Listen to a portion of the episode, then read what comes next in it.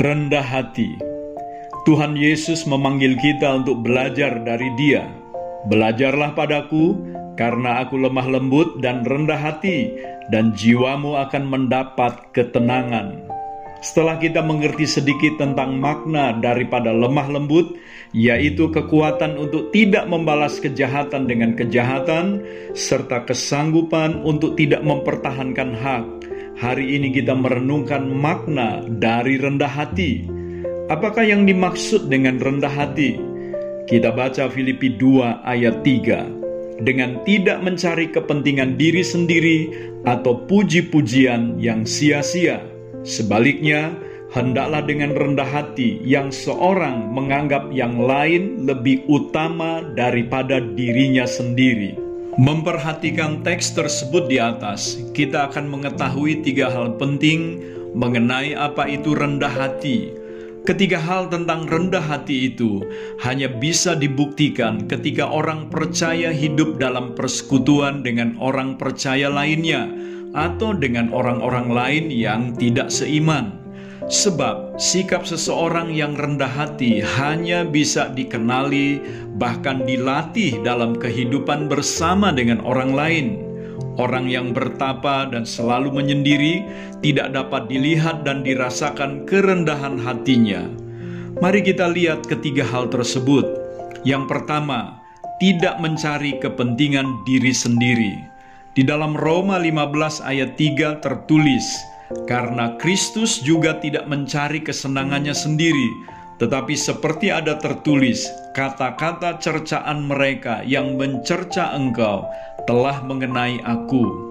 Yesus mencari kepentingan dari Bapaknya dan menyediakan diri supaya apa yang menjadi kepentingan Bapaknya dapat terlaksana. Sekalipun untuk itu dia harus menanggung kata-kata cercaan yang ditujukan kepada Bapaknya tersebut. Saudaraku, mereka yang rendah hati akan berusaha mencari kepentingan Bapa di sorga, yaitu untuk mencari mereka yang terhilang. Apakah kita menyadari hal ini? Bahwa kerendahan hati adalah sebuah sikap dan tindakan yang menjadikan kepentingan Bapa bagi keselamatan manusia menjadi kepentingannya juga. Yang kedua, tidak mencari puji-pujian yang sia-sia. Dalam salinan Alkitab bahasa Indonesia masa kini diartikan sebagai tidak melakukan sesuatu untuk menyombongkan diri. Ini berbicara tentang motif, sesuatu yang ada di lubuk hati terdalam yang mendorong seseorang berbuat sesuatu. Orang yang rendah hati tidak memiliki motif mencari puji-pujian yang sia-sia atau menyombongkan diri dalam segala perbuatan yang dilakukannya. Yesus berkata dalam Yohanes 5 ayat 41, Aku tidak memerlukan hormat dari manusia. Ini mengandung arti segala sesuatu yang dilakukannya tidak dimaksudkannya untuk mencari hormat dari manusia. Yang dia cari adalah hormat yang dari Bapaknya. Inilah sikap rendah hati mencari hormat dari Allah saja dan bukan dari manusia, sebab puji-pujian atau hormat yang dari manusia sering hanyalah puji-pujian dan hormat yang sia-sia.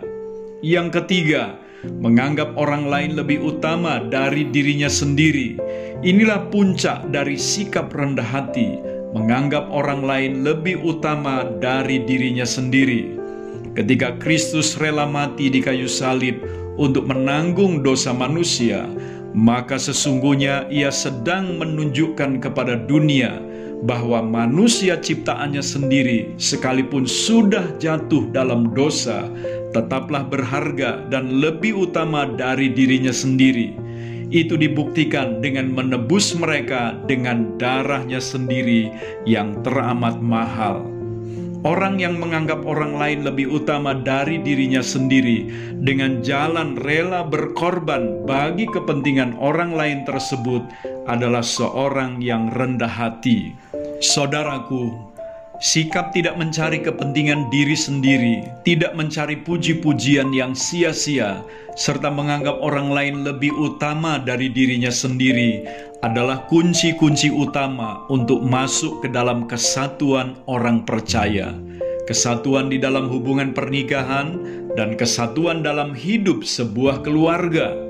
Mereka yang sombong cenderung menghancurkan kesatuan, tetapi orang yang rendah hati membangun kesatuan. Alangkah manisnya hidup kita jika orang lain dapat merasakan kerendahan hati Yesus di dalam hidup kita. Marilah kita terus belajar dari Dia, Guru Agung kita yang rendah hati. Saya Theo Barahama, mari hadirkan sorga di rumah kita untuk memberkati dunia.